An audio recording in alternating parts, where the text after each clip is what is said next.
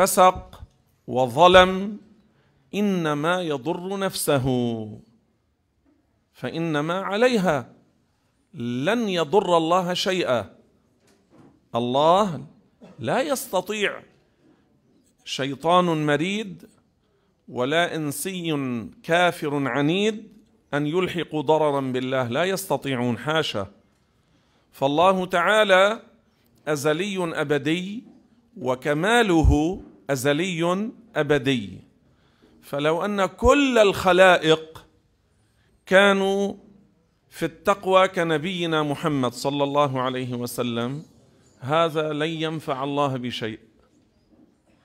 ولو كانوا الناس والشياطين لو كانوا كإبليس العامة من الناس لو كانوا كإبليس والشياطين كانوا كإبليس لن يضروا الله بشيء.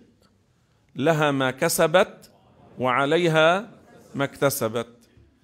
إذا لاحظوا تعالوا نتكلم في هذا الأمر خطوة خطوة كما يقال أو نقطة نقطة أو مسألة مسألة. الله متفضل علينا بأن خلقنا وأوجدنا وهو متفضل علينا بأنه يعيننا على الصبر ومتفضل علينا بأنه يعطينا الأجر على البلاء إن صبرنا والصبر بتوفيق من الله لنا. فهمنا القضية؟ يعني الله هو المتفضل علينا في الأول وفي الأخير. ولا يتصور في حقه الظلم. ماذا قال الفقيه؟ المحدث بدر الدين الزركشي رحمه الله. قال ويستحيل وصفه بالظلم شرعا وعقلا. لاحظوا ماذا قال؟ وعقلا. لأنه بعض الفساق الفجار الزنادقة ماذا يقولون؟ يقولون يجوز عليه الظلم عقلا حاشا وكلا. الله تعالى منزه عن الظلم. ما هو الظلم؟ الظلم هو وضع الشيء في غير محله. وضع الشيء في غير محله. أو مخالفة من له الأمر والنهي. أو التصرف في حق الغير بغير إذنه. هذه تعريفات الظلم. وهذا كله مستحيل على الله. لماذا؟ لأن الله يتصرف في ملكه كما يشاء. يفعل في العالم في الكون في ملكه ما يريد. فلا يتصور في حقه الظلم. لذلك هؤلاء الذين يقولون الله ظلمنا خلقنا فقراء هؤلاء كفار ليسوا من المسلمين. الذي يقول الله ظلمني أخذ ولدي هذا كافر. أصلا أنت وكل ما لك من فروع وأصول وجدتم بخلق الله. هو خالقكم هو ربكم. فلا يكون ظالما إن أمات لك أصلا أو فرعا. أصلا يعني إذا مات بيه أو جده أو مات ابنه أو حفيده. من الذي خلقكم وأوجدكم وهو مالك لكم ولكل العالم؟ هو الله. اذا الله يفعل في ملكه ما يشاء. يعني ليس ظالما. واضح؟ يعني ليس ظالما. فماذا قال الزركشي؟ قال ويستحيل وصفه بالظلم شرعا شرعا وعقلا وعقلا. فهذا غير مقبول وغير حاصل وغير واقع وغير كائن لأنه مستحيل أن يدخل في الوجود. الظلم من الله مستحيل هذا لا يصير هذا لا يقع. اذا الله يفعل في ملكه ما يشاء. ثم إن الذي يصف الله بالظلم ينسب الظلم إلى الله استخف بالله. هذا استخف بالله. يعني اليوم مثلا بعض الناس تنزل عليهم بلايا مصائب فقر أمراض زلازل حروب طوفان أو ما شابه بعضهم ينسب الظلم إلى الله. هذا كافر ليس من المسلمين. الله عز وجل قال وما ظلمناهم. وفي الحديث القدسي ماذا قال؟ إني حرمت الظلم على نفسي وجعلته بينكم محرما فلا تظالموا. لاحظ ما معنى إني حرمت الظلم على نفسي؟ تنزهت عنه. ما معناه تنزهت؟ عنه. ما معناه تقدست عنه؟ يعني الله تقدس وتنزه عن الظلم. منزه ربنا عن ذلك. فالذي ينسب الظلم إلى الله بأي سبب من الأسباب؟ فقر مرض جوع موت ها؟ هذا ليس من المسلمين. الله ربنا يفعل بنا ما يشاء. يا سلام. هو ربنا يفعل بنا ما يشاء. تلك القصة التي تحكى يقال في ملخصها ماذا قال ذاك الصابر المبتلى المحتسب المسلم؟ قال إلهي لو صببت علي البلاء صبا ما ازددت فيك إلا حبا. إلا حبا.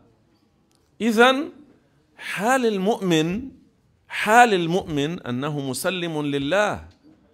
أما الذي لا يسلم لله ليس مسلما. الذي لا يرضى بتقدير الله ويعترض على الله هذا ليس مسلما. فلذلك الصابر الصابر كيف صبر؟ بتمكين الله له من الصبر. فمن المتفضل على الصابرين بأن أعطاهم القدرة والقوة على الصبر؟ هو المتفضل عليهم. وهو المتفضل عليهم بإعطائهم الثواب. لا إله إلا الله. وما بكم من نعمة فمن الله. وما بكم من نعمة فمن الله. إذا انظروا إلى عظيم فضل الله عز وجل. انظروا إلى عظيم فضل الله. يا إخواني يا أحبابي المسلم لو نزل عليه البلاء في الليل والنهار وصبر هذا خير له. هو الرابح هو المستفيد هو الرابح ولا يكون ظلما من الله تعالى. شايفين لو نزل البلاء علينا كالمطر؟ كيف بينزل المطر؟ حبات المطر كيف تنزل متتابعة؟ وبكثرة لو نزل هكذا هذا عدل من الله عدل من الله ليس ظلما ومستحيل عليه الظلم. وأنت إن صبرت على شدة هذا البلاء وكثرة هذا البلاء أنت المستفيد وأنت الرابح. وهذه حكمة عظيمة من الله. ليس سفها من نسب السفه إلى الله فهو السفيه الكافر. من نسب السفه إلى الله فهو السفيه الكافر. الله حكيم عليم رحيم. يا إخواننا الواحد منا كم يذنب؟ بس بدك تفكر بالصحة وبالعافية وبالمال وبالرزق وبالملذات الدنيوية في كل لحظة. بدك تعيش مئة سنة وكل لحظة من المئة سنة في نعيم وفرح وسعادة وسرور. كم يمر علينا من الغفلة من الوقوع في المعاصي في المحرمات. بعض الناس إذا قلت له هذا قد يستغرب. لك شو عم نعمل بس اسأل حالك كم مرة اليوم وقعت في الغيبة؟ اليوم بس. كم مرة اليوم حصل منك استخفاف بمسلم أو استهزاء بمسلمة أو كسر خاطر مسلم بغير حق؟ كم مرة أنت اليوم حصلت منك معاصي؟ إن كان معاصي لسان أو معاصي عين أو معاصي يد أو معاصي رجل أو غير ذلك معاصي قلب. هذا بتنساه شرط انه تكون المعصية بس تجيب السكين وتحطها بعين المسلم وتشيل له عينه؟ بس هذه هي المعصية؟ المعاصي كثيرة. الذنوب كثيرة. فالواحد تمر عليه غفلات يذنب يعصي. بعض الناس إنه قاعدين بالسهرة يوقعوا بالكبائر ببلشوا غيبة ونميمة بيشتغلوا ببعضهم بالتليفونات بالفويسات بالرسائل بيحكوا عن ناطور بيحكوا على عمهم بيحكوا على خالهم بيحكي على أمه بيحكي على أخته بيحكي على حماته بتحكي على كنتها بتحكي على حماتها. وهن وقاعدين بالسهرة عم بفقعوا كستنة وعم بيوقعوا بالكبائر. بيكونوا بشار. إذا ما أكلتي كستنة هن وعم بياكلوا بشار. بعضهم يقع في الكبائر. لو هي عم بتفقع بزر حتقولي لي كمان ما عم تاكلي بزر؟ بعض الناس يعني ما شرط اللي حكيت ما بعرف مين اللي حكيت. بعض الناس لو يا أخي بلا بزر قاعدين عم بيحضروا تلفزيون تطلع مذيعة الأخبار وبتكون مسلمة. ببلشوا يغتابوها وبيحكوا عليها. بيطلع واحد عامل برنامج مسلم ببلشوا يسبوه. يي شو زمك. شوف منه مبين من الأرض إنه قصدهم قصير كثير يعني. يي شوف شبر ونص وعم بيحكي يي أبو نص لسان. يي أحول. يي أعور. يي أفكح. يي عليه على هالتياب اللي لابسهم يي عليها وعلى ذوقها مشرشحة. شرشوحة. مبهدلة. هذا كله حرام. كل هذا معاصي. كونوا قاعدين لا كستنة ولا بزر ولا بشار بس عم بيحضروا تلفزيون. وأحيانا بدون تلفزيون وأحيانا بتكون مقطوعة الكهرباء حتى ما حدا يقول لي ما في تلفزيون. بتكون مقطوعة الكهرباء وقاعدين على العتم وعم بيوقعوا بالمعاصي. بدل أن يشتغلوا بالتوبة والندم بدل ما يفكروا بظلمة القبر بدل ما نفكر بهذا القلب يلي عم بيسود بالذنوب والمعاصي بدل ما الواحد منا يتوب ويندم هن وقاعدين ببيتهم قبل ما يناموا بيوقعوا بالكبائر بالكبائر! قبل أن ينام لك توب حاسب نفسك توبي حاسبي نفسك قبل ما يغفوا بيكون عم بيعملوا كبائر. وبعض الناس بيفيقوا على الكبائر. كالذين يشتغلون بظلم الناس بينام عم بيظلم بفيق عم بيظلم دغري ببلش بظلم الناس. والظلم أنواع بالبيوت بيحصل ظلم. بالبيوت كالزوج الذي يظلم زوجته. الزوج قد يظلم زوجته فيقع في الكبائر. الزوجة التي تظلم زوجها تقع في الكبائر. بيوقعوا بالكبائر هن وبالبيوت بالكسدورة وبشمة الهوى. فما يجي واحد يقول يي نحن ما عم نعمل كبائر ما عم نعمل معاصي. وكل واحد يراقب حاله. أنا لا أعني شخصا أنا أعني نفسي. أنا علي حاسب نفسي. وأنكر المنكرات ما استطعت. بس الواحد يحكي الواقع. فهيدي البلايا لما بتنزل إن صبرنا تكون سببا من أسباب مغفرة الذنوب. شفتوا؟ هذه رحمة من الله بنا أم لا؟ هذا لحكمة أم لا؟ تعلم الصبر. بدل ما نموت وعلينا ذنوب ومعاصي وما فينا ما فينا نتحمل العذاب. لا طاقة لنا بعذاب الله. لا تنزل علينا مصائب وبلايا. الله يعيننا على الصبر. فنغسل من ذنوبنا إن شاء الله. نغسل من المعاصي. ونموت إن شاء الله نخرج من الدنيا بلا ذنب ولا معصية. أهون بكثير من إنه نتعذب لحظة واحدة بجهنم. أهون بملايين المرات من أن نعذب لحظة في جهنم. شايفين لو كل بلاء الدنيا الأمراض نزلت علينا وصبرنا وطلعنا من الدنيا وقد غسلنا من ذنوبنا أهون من إنه نتعذب لحظة في القبر أو في جهنم. أهون. لا طاقة لنا بعذاب الله. لا طاقة لنا بعذاب الله. اذا الله حكيم. الله رحيم. لك البلاء اللي بينزل على المؤمن نعمة نعمة. البلاء. البلاء. المرض. نعمة. ليه؟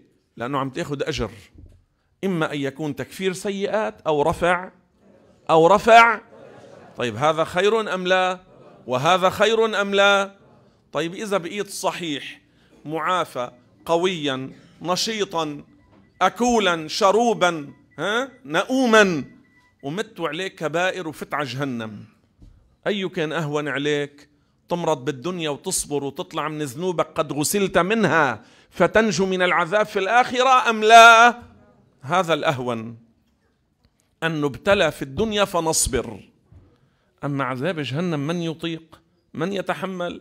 عذاب القبر لا نطيق. لحظة عذاب في القبر لا نطيق. كيف عذاب جهنم؟ إذا فكروا بالنتائج.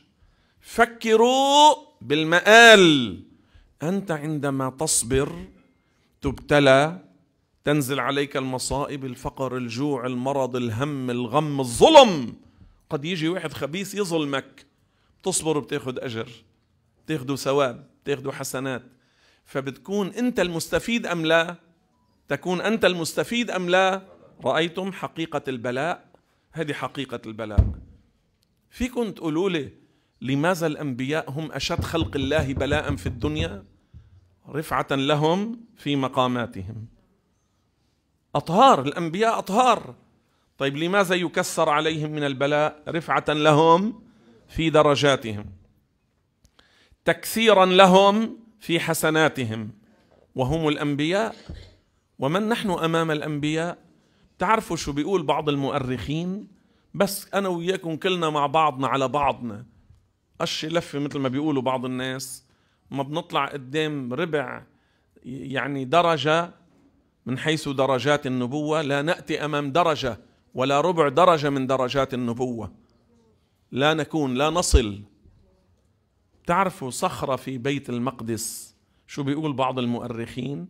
ذبح عليها صخرة واحدة. سبعين نبي. ماذا أصابك؟ ماذا أصابك؟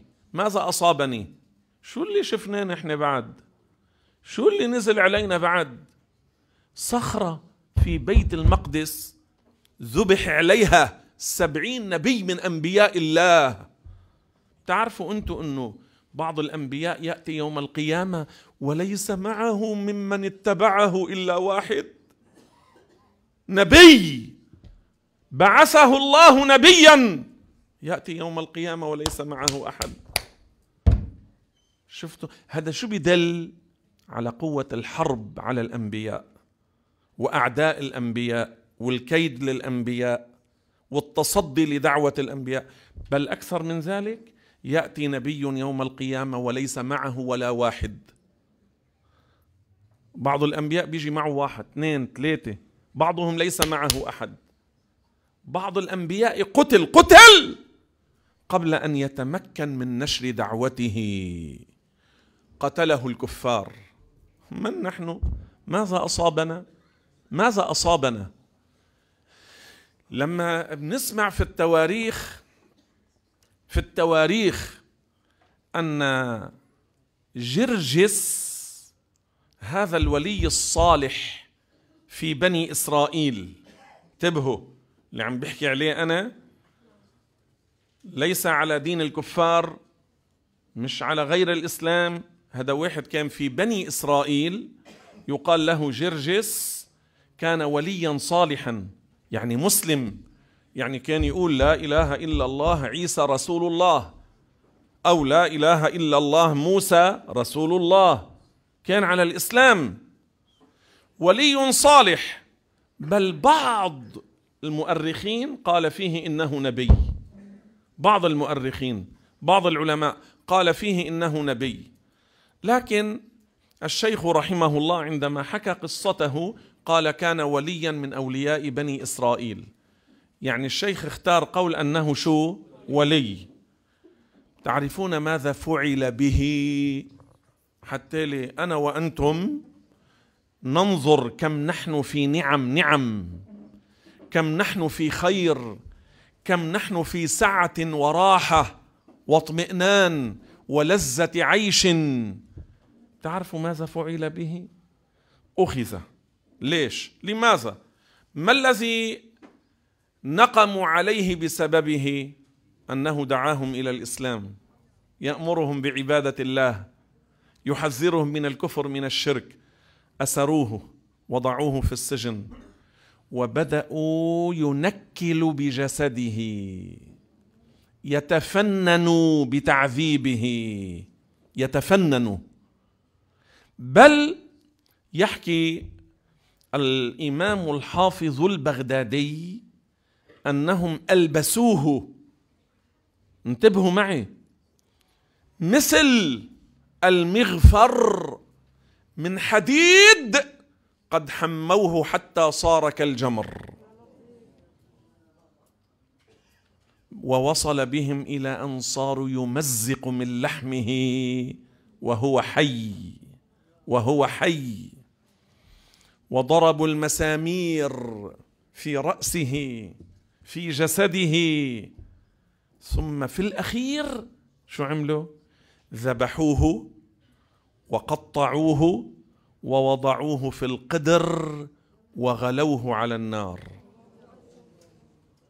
بتقول بتقول لي راسك عم بيوجعك؟ مات خيك؟ مات ابنك؟ ماتت امي؟ مات زوجها؟ مات فلان؟ مات ع... انظروا هذا ماذا فعلوا به. على قول بعض العلماء كان وليا صالحا. انظروا ما الذي أصابه. انظروا إلى قوة صبره إلى قوة تحمله. فاذا دائما لنستحضر عظيم أجر الصبر والثبات على الإسلام. والثبات على الإسلام. أن نجمع الحسنات بالصبر على البليات. بعض الصالحين بعض الصالحين تعرفوا ماذا كان يقول؟ بعض المرشدين بعض المسلكين بعض المسلكين يعني اللي بيربي التلاميذ بيخرجهم اولياء يعني الكامل المكمل كامل مكمل. تعرفون ماذا كانوا يقولون؟ ورود مجيء ونزول. ورود وردت عليه يعني. ورود الفاقات الفقر والقلة والجوع والمرض والبلاء. ورود الفاقات أعياد المريدين. أعياد. أعياد. أعياد مين؟ أعياد مين؟ مريدي الجنة والآخرة والولاية والأجر والثواب. شفتوا؟ ورود الفاقات أعياد المريدين. الله أكبر. شو يعني؟ نحن أهل الدنيا نحن أهل الدنيا. لما بتجي الأعياد ونفرح بالدنيا نحن أهل الدنيا هكذا. أما طلاب الآخرة الصلحاء والأخيار والأولياء قال يفرحون بالبلاء كما يفرح أهل الدنيا بالذهب والهدايا والعطاء. شفتوا الفرق؟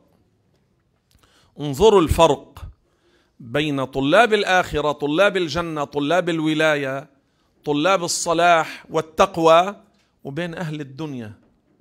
فرق كبير فرق كبير. إنه بعض الناس اليوم تنزل عليه مصيبة. بعضهم يعني قد يقع في الكبائر في الندب في النياحة بعدين ببلش يهمد. بالثالث وبالأسبوع وبالأربعين شو بيصير؟ بيقول صابرين. أي صابرين؟ لا لست من الصابرين. إنما الصبر عند الصدمة الأولى. إنما الصبر كملوا الحديث. إنما الصبر عند الصدمة الأولى. أول ما يجيك الخبر مات بيك مات ابنك الوحيد مات زوجك مات خيك هناك الصبر. هناك الصبر. إنما الصبر عند الصدمة الأولى. بيضبط نفسه بيمنعها من أن تقع في المحرمات في المعاصي في الندب في النياحة وفي الكلام المحرم. بعض النسوان وبعض الرجال لما بيجيهم خبر بيضربوا حالهم بنتف لحم. بنتف لحم بتكشف عن رأسها بالطريق وبين الرجال وبالمستشفى وبمدخل البناية بتشيل عن راسها وتمزق قميصها الفستان الثياب اللي لابسيتهم تكشف عورتها بتخرمش وجهها تخمش وجهها وتقلع شعرها وتقع في الندب والنياحة. وبتجي بعدين بالسنوية الثالثة بتقول لي أنا من الصابرات؟ لا لست من الصابرات. إنما الصبر عند الصدمة الأولى. إنما الصبر عند الصدمة الأولى. هكذا ينبغي أن تكون. بدك تاخذ الأجر؟ مات لك حدا بتحبه كثير كثير كثير كثير تمنع نفسك من المعصية عند حصول هذه المصيبة لتأخذ تلك البشرى شو هي؟ الجنة. الله يقول في الحديث القدسي ما لعبدي المؤمن إذا أصيب بفقد من يعز عليه فصبر جزاء عندي إلا الجنة. رأيتم كيف؟ اذا أول ما يجيك الخبر عبد الله بن عباس كان في الطريق على الراحلة. جابوا له خبر إنه واحد من إخواتك مات هن كانوا عشر شباب. آخرهم تمام آخر واحد. عشرة. قالوا له مات خيك أخذ جانب الطريق نزل عن الدابة استقبل القبلة كبر صلى سلم قال هكذا أمرنا الله أن نستعين بالصبر والصلاة أن نستعين بالصبر. شفتوا القلوب الحاضرة؟ اليوم بيوقعوا بالندب والنياحة. وبعضهم في الكفر بعضهم. لا نقول الكل وحتى ما بنقول الكل إنه يقع في الندب والنياحة قلنا البعض. فيقعون في الكبائر. حرموا حرموا انتبهوا. حرموا ثواب هذه المصيبة. حرموا ما صبروا. إنما الصبر عند الصدمة الأولى. هذا الذي ينبغي. هذه المصيبة الخطيرة. وين المصيبة المفزعة المرعبة؟ أن تكون في الدين. تكون مصيبتكم بدينكم والعياذ بالله. كترك الصلاة. هذه مصيبة ومصيبة عظيمة. لأن تارك الصلاة إن مات على ذلك بلا توبة يستحق أن يعذب في جهنم. مثل أكل الربا وما أكثره اليوم.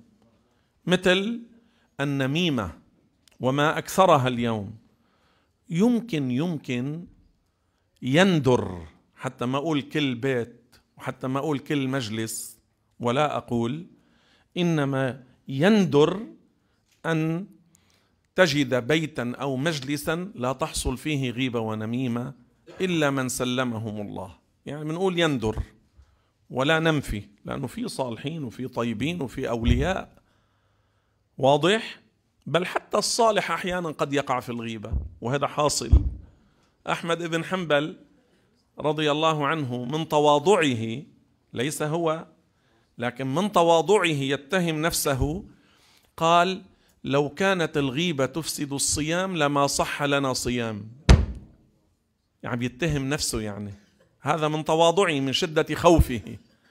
لكن في واقع الحال إيه، بعض الصالحين قد يقعون في الغيبة وفي النميمة قد يقعون في الكبائر قد يقعون في الكبائر. لكن يتوب يندم يرجع. لا يسترسل ولا ينغمس. واضح؟ لا يستحوذ عليه الشيطان. يتوب يندم يرجع. هذا الغالب عليهم. هذا الغالب. وبعض الناس قد يصل إلى الصلاح. انتبهوا فهموا منيح. لكن لم يدخل في الولاية. وصل إلى الصلاح دون الولاية. ما دخل في الولاية؟ بعضهم قد ينقلب فيرتد ويكفر. بعضهم. لكن هذا لا يحصل يمكن إلا في النوادر. لأنه غالبا شو بيقول العلماء؟ من دخل في الصلاح يدخل في الولاية. لاحظوا شو قال؟ غالبا. بلعام بن باعوراء ما كان وليا ما وصل إلى الولاية ما دخل في الولاية. لكن كان يعرف مفتاح اسم الله الأعظم وكان إذا دعا يتحقق له. يتحقق له. بعد ذلك انقلب فكفر. مشان الذهب مشان المصاري. إجوا لعنده كفار بني إسرائيل. قالوا له خذ هذا الذهب كومة من الذهب ونعطيك زيادة على ذلك. ادعوا على موسى. وهذا كفر. قال هو قال لهم في الأول ويلكم كيف أدعو على نبي الله؟ ما قبل معهم. اشتغلوا عليه ما استطاعوا. راحوا عند زوجته. أروها الذهب الكثير ووعدوها بزيادة. قالت اتركوه لي. فصارت هي تشتغل عليه. شوف بعض الزوجات إما أن تكون هلاكا لزوجها أو أن تكون نعمة لزوجها. بعض الزوجات إما أن تكون بابا لجهنم طريقا إلى النار أو طريقا إلى الخير. صار هي تشتغل عليه زوجته ببيته فوافق. وافق فكفر. موسى ولا فرآن معه ولا يعبأ بهم ولا يبالي بهم. كفار أقل من النجاسات وهو نبي رسول وكان عند الله وجيها. هذا في موسى. هذه الآية في موسى. وكان عند الله وجيها. موسى من أولي العزم. عليهم الصلاة والسلام. فأرادوا أن يخرجوا ببلعام للدعاء على موسى. اجتمعوا. حددوا يوم. إجوا هول كفار بني إسرائيل. ومعهم بلعام. وجاء موسى ومعه بعض الذين آمنوا به. وقف بلعام أمام كفار بني إسرائيل ورفع يديه يريد أن يدعو على موسى. انقلب لسانه صار يدعو على نفسه وعلى من معه. يقولون له ويلك تدعو علينا؟ يقول لا أستطيع إلا هذا أحاول لا أستطيع إلا هذا. بل حتى يقال إن حماره تكلم معه ولعنه. انظروا الله أعلم بعض الأخبار فيها عجائب. لكن هذا لم يصل إلى الولاية ولا دخل في الولاية لكن كان وصل إلى حال إذا دعا يستجاب له. يتحقق له. وبسبب الزوجة الشريرة هم لم يقدروا عليه أعطوها الذهب اشتغلت هي به فكفر رضي لأن الدعاء على نبي من الأنبياء كفر. الدعاء على نبي من الأنبياء شو؟ كفر.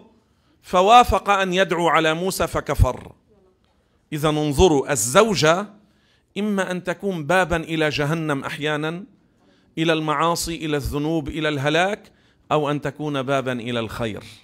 نعم العون على الطاعة والخير أو بئس الداعي إلى الشر والنار والهلاك. فاذا بعض الناس قد يصل إلى حال التقوى لكن لم يدخل في الولاية فيرجع ينقلب فيموت على الكفر. هذا حاصل لكن بندرة. أما من حيث الغالب من وصل إلى الصلاح ودخل في الصلاح من حيث الغالب يدخل في الولاية. يدخل في الولاية.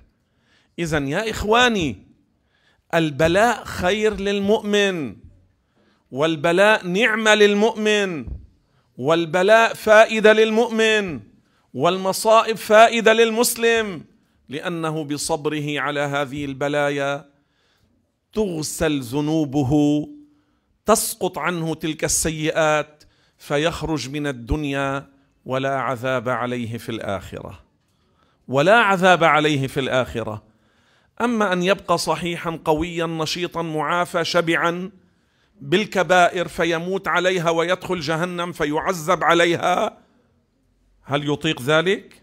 هذا أشد أم أن يبتلى في الدنيا فيصبر أشد؟ هذا أشد. أن يدخل جهنم أشد. لذلك علينا بالصبر. علينا بماذا؟ بالصبر.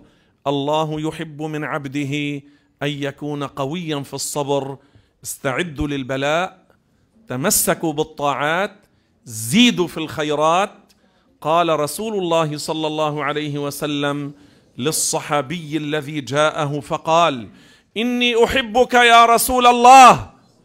قال انظر ماذا تقول. قال إني أحبك يا رسول الله. قال انظر ماذا تقول. قال إني أحبك يا رسول الله. قال فأعد للفقر تجفافا.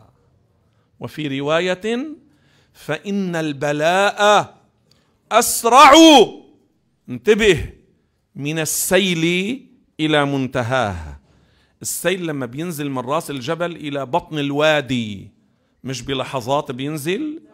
قال فإن البلاء أسرع إلى المحب من السيل إلى منتهاه ما معناه؟ المؤمن كلما زاد في التقوى كلما زاد عليه البلاء وكلما زاد عليه البلاء فصبر كان رفعة له في المقامات والدرجات تكثيرا له في الحسنات والبلاء للمسلم إما أن يكون تكفير سيئات أو رفع درجات. رزقنا الله وإياكم الصبر ثبتنا الله وإياكم على الإيمان جعلنا أنصارا لدينه خداما لعقيدة نبيه مع الثبات على الصبر ونشر الإسلام واغفر